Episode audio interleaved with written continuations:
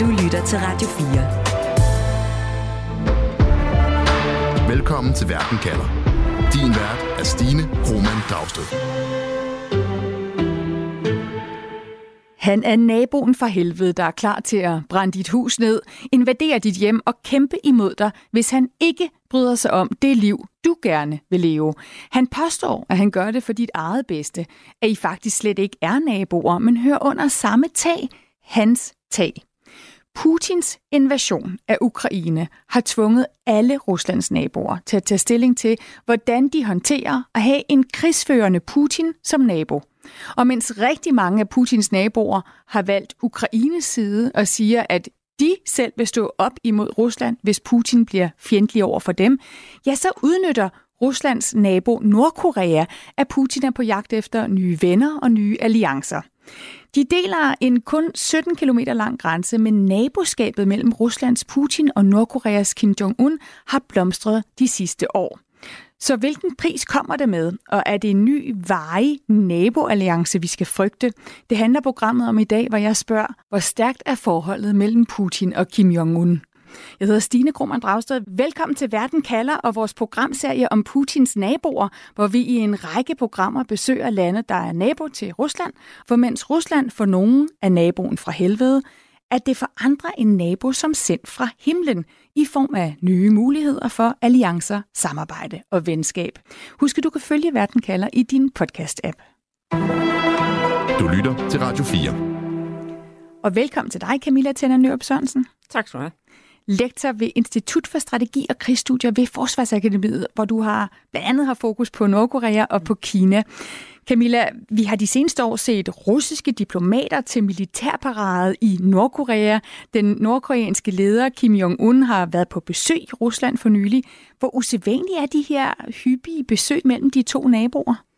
Jamen, det er en usædvanlig udvikling. Altså man kan sige, at efter afslutningen af den kolde krig har Rusland haft fokus andre steder, og har faktisk haft mere fokus på at styrke forholdet til Sydkorea end Nordkorea. Øh, men det er så det, der er ændret her over de seneste årtier. Altså det er en markant styrket relation, vi ser mellem Nordkorea og Rusland, øh, og jo altså kulminerende, i hvert fald forløbig kulminerende med Kim Jong-uns besøg til Rusland i, øh, i september i år, hvor han jo mødte Putin, og, og, og Putin viste Kim Jong-un rundt øh, ved de her russiske satellitopsendingsstationer, tilbød russisk hjælp til at udvikle øh, Nordkoreas øh, satellitprogram.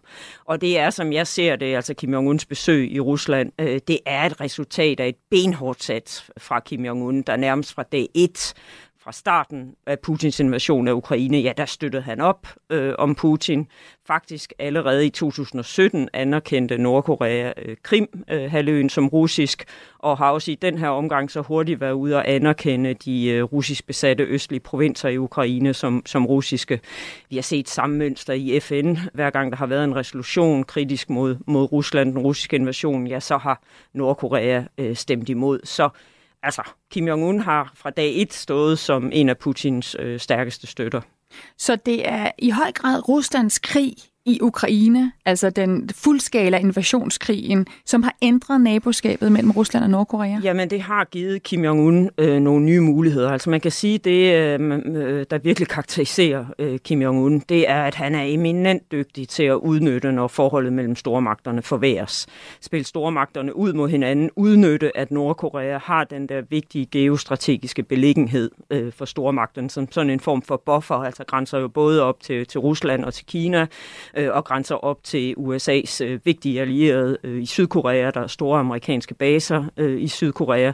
Så på den måde, når forholdet mellem de her tre store magter forværres, ja, så er han eminent dygtig til at spille dem ud mod hinanden og ligesom se, hvor er det bedst Nordkorea kan få varetaget deres interesser. Og det er altså en lyse nu, og har været det især siden øh, starten af den sådan, øh, fulde, fulde russiske invasion der i februar 2020. Det har været at lægge sig så tæt op af Rusland som muligt. Det gør både kineserne nervøse, og det gør amerikanerne og amerikanske allierede nervøse, øh, og gør så, at de må gentænke deres politik over for Nordkorea.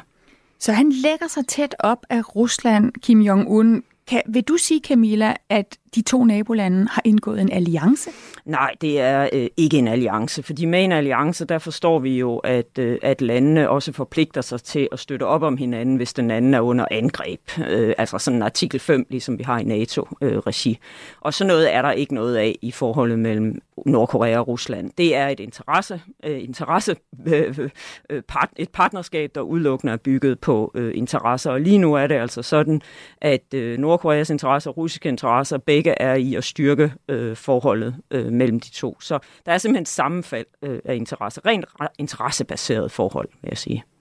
Hvordan så deres naboskab ud før krigen i Ukraine, hvor at deres interesser så måske ikke var helt så sammenfaldende? Ja, men som jeg var inde på, så har øh, Rusland mere eller mindre ikke ignoreret, men øh, ikke gjort så meget øh, for ligesom at støtte op omkring øh, Kim, øh, Kim Jong-un øh, siden 2000, og hvad er det, 2011, og, og, og Kim Jong-il før det deres bestræbelser på at, øh, at styrke øh, Nordkorea, det nordkoreanske regime, primært ved at styrke deres øh, atomvåbenprogram og missilprogram. Der har Rusland faktisk stået lidt på den, ikke på den anden side, men har været med i bestræbelserne på at prøve at presse Nordkorea, det nordkoreanske regime, til at opgive deres øh, atomvåben- og missilprogram. Øh, har blandt andet støttet op om visse øh, FN-resolutioner, sanktionsregimet til tider og sådan noget, så de har været noget hårdere, øh, kan man sige, i, øh, i over for det nordkoreanske øh, regime, har ikke været villige til at mødes øh, med nordkoreanske ledere på højt niveau, øh, og så videre og så videre. Så der har ikke været øh, et særligt godt naboskab, øh, hvis man kan sige det sådan. Øh, Rusland har været mere fokuseret på at se, hvilke muligheder det havde i forhold til, til andre, øh, også amerikanske allierede i regionen, og så især har fokus rettet mod, øh, mod Europa. Nu står Putin så i den situation, at øh, vi i Vesten fordømmer og sanktionerer og Rusland. Hvilke interesser har Putin nu i at forbedre forholdet til Nordkorea? Altså, jeg tror sådan, den helt overordnede, konkrete interesse, som relaterer sig direkte til, øh, til krigen i Ukraine, det er jo at få adgang til at kunne købe ah, ammunition øh, i Nordkorea. Nordkorea har nogle store lager øh, af ammunition, altså øh, panserværnsvåben, artilleri øh, øh, og sådan nogle ting, som, som simpelthen er på lager. Man kan diskutere, hvor godt det er. Noget af det er jo ret gammelt, men det er noget, som umiddelbart hurtigt kan indgå i den øh, russiske krigsførsel, fordi meget af det er sovjetisk øh, materiel. Øh, og, så, øh, og så er der jo også en interesse i, i hvert fald at have nogen, der støtter en, ikke? Øh, når der er øh, resolutioner op i FN. Man kan sige, at Nordkorea er jo nok ikke den, der sådan virkelig batter mest sådan i det store diplomatiske spil, men trods alt det at have nogen, der ligesom på samme måde som Rusland øh, peger på USA og USA's allierede som de aggressive. Ikke? Fordi det er jo også en velkendt nordkoreansk øh, kritik, ikke? At, at grunden til, at der er stigende spændinger i om, på omkring den koreanske halvø, ja, det er jo, at USA opbygger deres militær. USA styrker deres alliancer, ikke? den her blokpolitik. Og det er jo den samme retorik, vi finder i, øh, i Putin, i Putins øh, fortællinger om, hvorfor øh, den her invasion af Ukraine, eller krigen i Ukraine, var nødvendigt. Det var fordi NATO-udvidelsen, og der blev presset på i forhold til, øh, til russiske legitime interesser. Mm. Nu, nu nævnte du lige det her med, det er sovjetiske våben, der i høj grad kan blive givet. Altså det er simpelthen fordi nogle af de våben, som Nordkorea har, kommer tilbage fra sovjettiden? Ja, det gør det. Øh, noget af det gør, og noget af det, altså meget af den sådan koreanske øh, industri, også våbenindustri, og de har jo en ret stor våbenindustri, som de har fastholdt. Den er bygget op med støtte fra Sovjet, da der var gode relationer mm. under den kolde krig. Hvorfor giver Nordkorea så Putin våben til krigen i Ukraine? Altså, ja. hvad vil Nordkorea have til gengæld? Ja, men de giver det ikke. de sælger det. Ja. Øh, og det gør jo, at de får adgang til, øh, til valuta, øh, som øh, de så kan købe ind for. Øh, det nordkoreanske regime er jo altid i, øh, i, altså på udkig efter, hvor de kan få øh, valuta ind. De er jo under et meget, meget hårdt sanktionsregime og har svært ved at få adgang til, til øh, valuta. Og valuta har de brug for, øh, simpelthen for at købe ind både til deres øh, udvikling af deres atomvåben- og missilprogram, øh, som er en benhård satsning fra det nordkoreanske regime. Altså det at opbygge deres atomvåben- og missilprogram, det bliver jo set som den ultimative regimesikkerhedsgaranti. Det er det, der skal afskrække USA og amerikanske allierede for at prøve øh, at vælte det nordkoreanske regime, prøve at gøre noget ved den måde, som Kim Jong-un styrer Nordkorea øh, på. Så, så det er et benhårdt sats at blive ved med at udbygge deres atomvåben og, øh, og missilprogram. Og derudover så bruger de også valuta til at købe ind øh, især luksusvarer eller andre varer, som ligesom skal sikre, at øh, cirklen omkring Kim Jong-un, omkring Kim-familien, altså den nordkoreanske elite, de bliver ved med at få nogle særlige privilegier, adgang til goder, øh, øh, som gør, at de bliver ved med at se deres interesse i at støtte op omkring det nordkoreanske regime. Så det er også led i sådan simpelthen at holde regimet øh, på plads, øh, holde eliten samlet om regimet øh, i Nordkorea. Det er ved at give dem særlige privilegier, adgang til luksusvarer og sådan noget. Det koster jo, øh, og der har man brug for øh, valuta. Nu nævner du, at det her atomvåben- og missilprogram jo er den ultimative garanti, som øh, Kim Jong-un og regimet ser det for, at, at regimet ligesom kan fortsætte, at de har en sikkerhed. Og derfor er det jo nok heller ikke helt tilfældigt, at da Kim Jong-un besøgte Rusland øh, tidligere i år, der mødtes de to statsledere i en russisk rumhavn. Og hvorfor de mødtes netop der, det skal det handle om nu. Du lytter til Verden kalder på Radio 4. For at blive klogere på Nordkoreas rum- og missilambitioner, der har min kollega Nana Tilly Guldborg ringet til Thomas Schumann. Han er journalist, rumnørd, tidligere radiovært på den nye rumalder her på Radio 4. Thomas, da Kim Jong-un og Vladimir Putin mødes en onsdag i september, der har Putin taget gaver med til Kim Jong-un. De indeholder blandt andet historiske fotografier af sovjetiske astronautlegender. Tror du, at Kim Jong-un blev glad for de her gaver? Jeg tror da sikkert, at han øh, ned og, og se på de der billeder. På en, eller anden, på en eller anden måde, så kan man jo sige, at det cementerer jo meget godt det forhold, som øh, Rusland og, og Nordkorea har haft i forhold til, til rummet, hvor at øh, de har der har været sådan en, en form for samarbejde, selvom nu det nordkoreanske og russiske forhold igennem historien har været problematisk også. Men hvis man ser på meget af den raketteknologi i hvert fald, som er udviklet i Nordkorea, så kommer meget af den teknologi rent faktisk øh, fra Rusland. Så der er sådan en, et bånd der, som hænger sammen også med de der øh, gamle øh, billeder fra den tidligere, øh, hvad skal man sige, sovjetiske rumæra. Og hvor er det, de her to mødes denne her onsdag i september? Jamen, de mødtes i øh, det, der hedder Vostokny øh, Kosmodromen, eller Vostokny øh, Rumhavnen. Det er en øh, rumhavn, som øh, Rusland har bygget over i, i det østlige Rusland, så man kan også sige, øh, de mødtes øh, et sted, hvor at øh, Kim Jong-un han ikke havde brug for at køre så langt i tog. Han skulle jo komme øh, til Rusland øh, i tog, og der ligger den der kosmodrom, altså øh, forholdsvis tæt på, på Nordkorea. Det er et sted, øh, det er en rumhavn, som øh, Rusland har bygget, fordi at den rumhavn, de traditionelt har brugt, og som de brugte øh, under den kolde krig, til at sende øh, astronauter i, i rummet, og som de for så vidt stadig bruger, den ligger i Kazakhstan, øh, og Kazakhstan blev efter murens fald et, øh, et, et uafhængigt land, som Rusland ikke nødvendigvis kan forlade sig på. Det har vi også set nogle, nogle ting med, at, at, øh, at de ikke helt så sikre på, at de har adgang til rummet øh, via den rumhavn, de har i, i Kazakhstan, russerne altså. Så derfor så byggede de altså Vostokny øh, kosmodromen, sådan at de i hvert fald vil have øh, deres egen adgang til rummet, hvor de fra, hvorfra de kan sende øh, satellitter og, og mennesker i rummet. Mm. Og ligesom at Kim Jong-un nok blev glad for øh, at blive mindet om den her sovjet-rumæra, så er han måske også glad for, at de mødes netop der, ikke? Fordi hvad er deres fælles interesse for rummet i dag?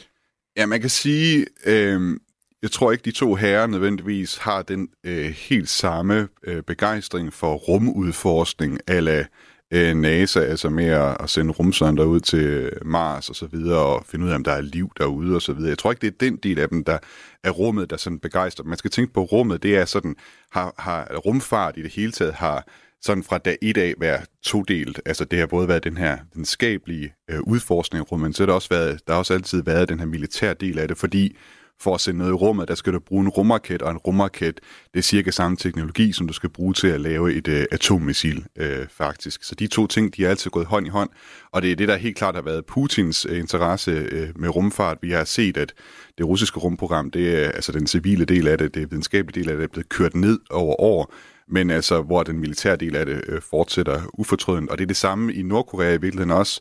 Nu sendte de øh, for nogle uger siden den her satellit i kredsløb, en øh, satellit, som altså kan tage øh, billeder fra rummet, øh, som jo er, er hvad skal man sige, en del af, af alle verdens, øh, eller i hvert fald de store øh, landes øh, militær, at de kan tage billeder fra rummet for at se, øh, hvor fjenden opholder sig.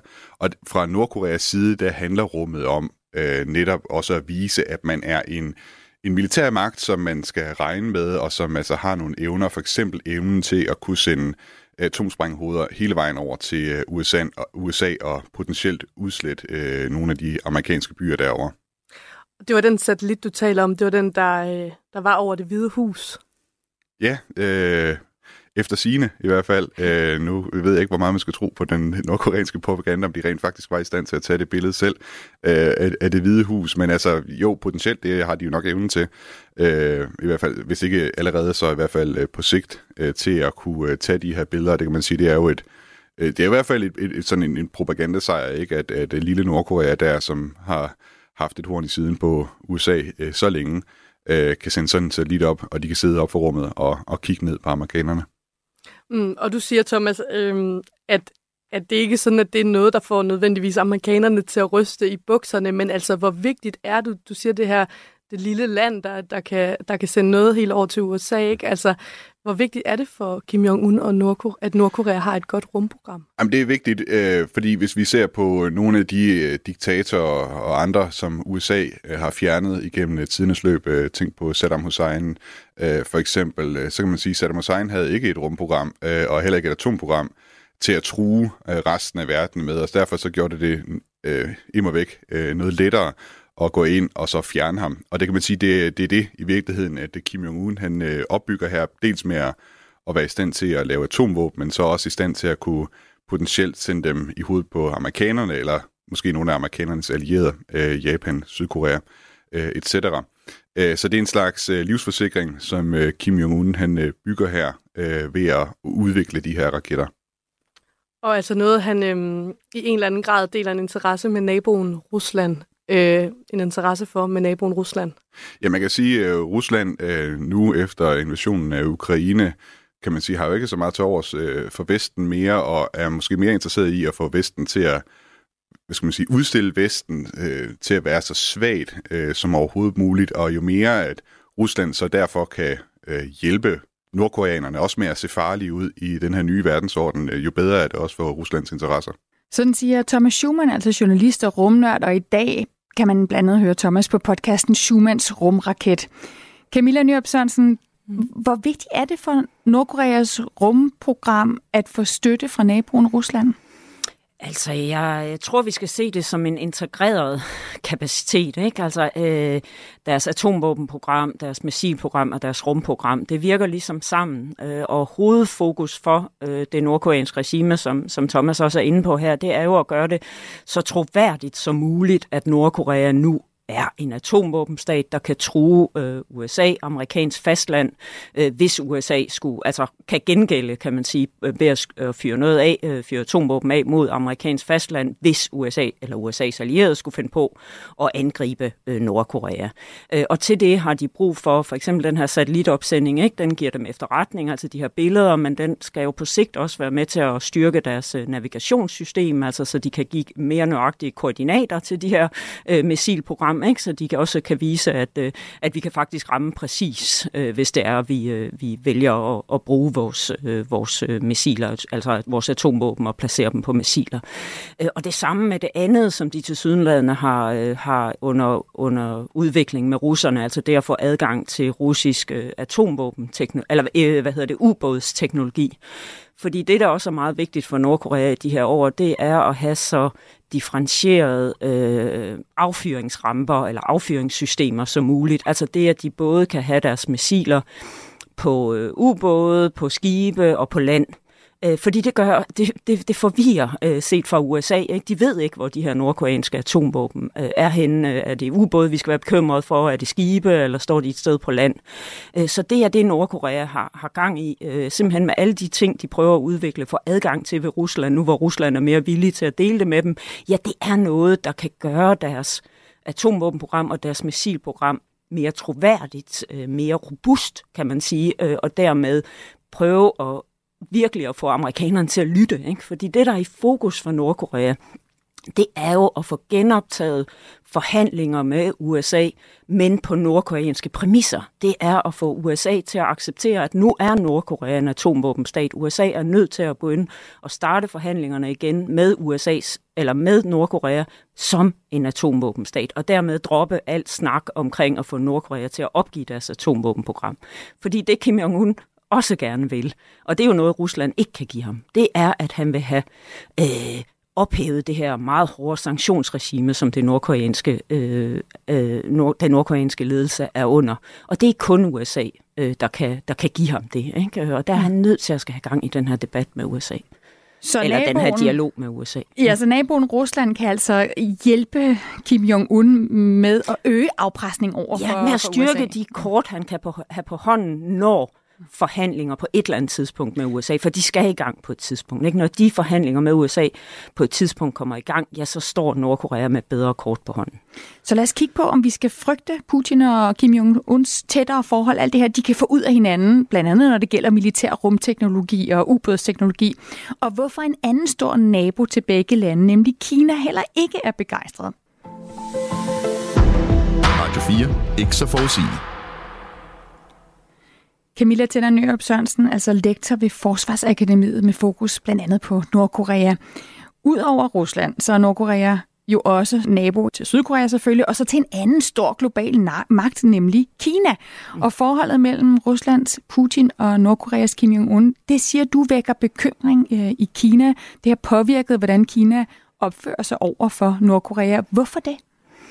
Ja, altså øh, Kina er bekymret ikke? over at se deres øh, to øh, uberegnelige, øh, ukontrollerbare øh, naboer øh, styrke, styrke deres indbyrdes øh, relation. Så Kina har jo den opfattelse, at de i de her år ligesom træder frem som storebroren i forholdet, både i forholdet til Rusland og i forholdet til Nordkorea. Og så ser de jo gerne, at de her to øh, yngre eller mindre brødre, at de retter sig lidt mere ind og ligesom tager højde for Kinas interesser, og i hvert fald tager Kina med ind, når de ligesom altså med på råd kan man sige, tager kinesiske interesser, tager dem med ind i deres overvejelser, inden de foretager sig nogle store, drastiske ting. Men det sker bare ikke. Rusland gør nogle ting, som, øh, som presser kinesiske interesser, som kineserne efterfølgende må gå ud og, og reagere på og har svært ved at, at manøvrere i forhold til. Blandt andet det her med den fulde invasion af, af Ukraine i, øh, i februar 2022. Øh, og, og Nordkorea gør også en masse ting, som, som kineserne øh, bliver presset over og skal til at forholde sig til på forskellige måder, fordi omverdenen jo har en forventning af, om at Kina kan sætte Nordkorea på plads, men det kan Kina ikke rigtigt, og det, det frustrerer dem. Og nu ser de så, at de her to uh, uberegnelige, ukontrollerbare uh, mindre brødre, at de finder sammen, ikke? Uh, og begynder at gøre nogle ting sammen, som også bekymrer kineserne, ikke? fordi det kommer til at styrke Nordkoreas uh, atomvåben- og missilprogram, uh, og det kommer til at styrke uh, US, uh, Rusland i, i deres fortsatte øh, krigshandlinger i forhold til, øh, til Ukraine. Og det Kina vægter over alt andet, det er jo stabilitet. Og det giver bare mere ustabilitet, både på den koreanske halvø og i, øh, i Europa, øh, som også forværer øh, Kinas bestræbelser på at forbedre forholdet til, til, til de europæiske stater. Så kineserne er simpelthen frustreret over, at de ikke kan kontrollere de her to mindre nabostater øh, bedre. Men faktisk så tror jeg også, at det er en vigtig drivkraft for både Rusland og Nordkorea i at styrke deres forhold. Det er, at både Rusland og Nordkorea er bekymrede over, at de i stigende grad er blevet så afhængige af Kina. Så de har også en fælles interesse i at mindske deres afhængighed af Kina og vise kineserne, at det kan godt være, at Kina er deres vigtigste handelspartner og dem, der leverer flest øh, energi og fødevarer, for eksempel ind i Nordkorea, men det betyder ikke, at de kan styre øh, Nordkorea og, og Rusland. Især for Nordkorea er det en uhyre vigtig prioritet, det her med at have selvstændighed og ikke være afhængig af nogen. Og det har vi set især under Kim Jong-un, at han jo virkelig har øh, lukket ned for forholdet til Kina i perioder, udrenset øh, i den nordkoreanske elite for at fjerne dem, der var for tæt på Kina, fordi han simpelthen er så bekymret over at blive endnu en provins i Kina øh, kan man sige. Så, så de øh, er meget bekymrede, både Kina og, eller både Nordkorea og Rusland, for at blive for afhængige af Kina, og Kina er frustreret over, at de bedre kan kontrollere de her to naboer, som skaber så meget ustabilitet. Og det er jo super interessant, når du taler om den frustration, der er fra Kinas side, at man ikke kan sætte det her, som Kina ser som de to lillebrødre sådan på plads, at, øh, at man ikke bare kan styre dem gennem den afhængighed, der er skabt. Og hvad betyder det, Camilla, for hvordan vi så, altså når vi sidder og kigger på den her nye nabodynamik, der er mellem Putin og, og Kim Jong-un, så kunne vi jo godt sidde og frygte, nu kommer der en ny akse, hvor vi har Kina, Nordkorea og Rusland sammen. Det siger du, det er ikke tilfældet. Ja, men det kan godt blive tilfældet. Mm. Øh, og der er det helt afhængigt, det er den videre udvikling i forholdet mellem Kina og USA. Øh, fordi øh, det, som kineserne også siger, jeg var i Kina her senest øh, øh, i sommer, øh, juni øh, i år, øh, og det øh, kineserne sagde, når man sådan spurgte ind til dem, hvorfor er det, I ikke i højere grad øh, tager afstand øh, til Rusland, øh, det skaber jo, øh, besværliggør jo jeres forhold til Europa, hvorfor er det, I, I ikke I står så stærkt på suverænitetsprincippet, stat og suverænitet, hvorfor er det, I ikke i højere grad tager, tager afstand fra Rusland, eller går ud med kritik af Rusland, så siger de, jamen for os er det helt afgørende at holde stabilitet i forholdet til Rusland. Det de siger, hold stabilitet ved bagdøren for at kunne fokusere på fordøren. Så det er den lange grænse, de deler med Rusland øh, op mod nord og vest, øh, og det samme deler de jo også en, en mindre grænse godt nok, men også en grænse mod Nordkorea. Og det er simpelthen afgørende for kineserne at holde stabilitet ved de grænser, så de ikke skal koncentrere sig om dem, og dermed kan koncentrere sig nede ved kystlinjen, hvor de står over for USA og USA's allierede. Det er i det sydkinesiske hav og i Taiwanstrædet.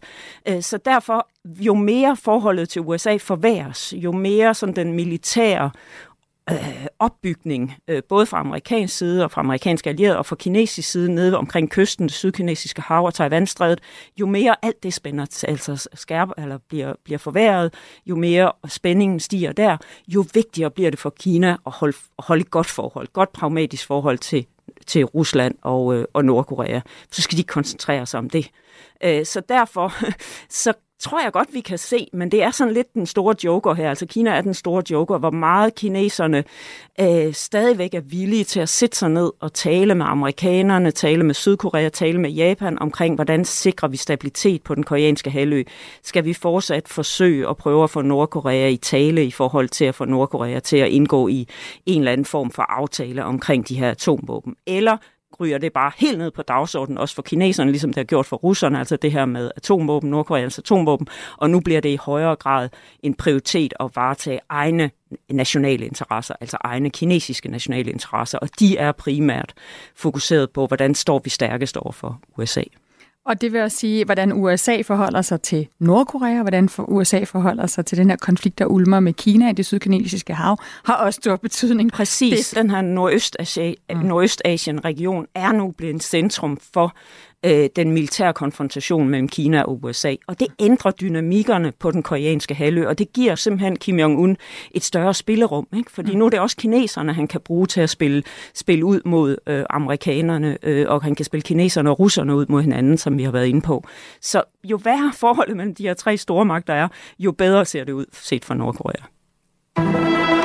Du lytter til Radio 4.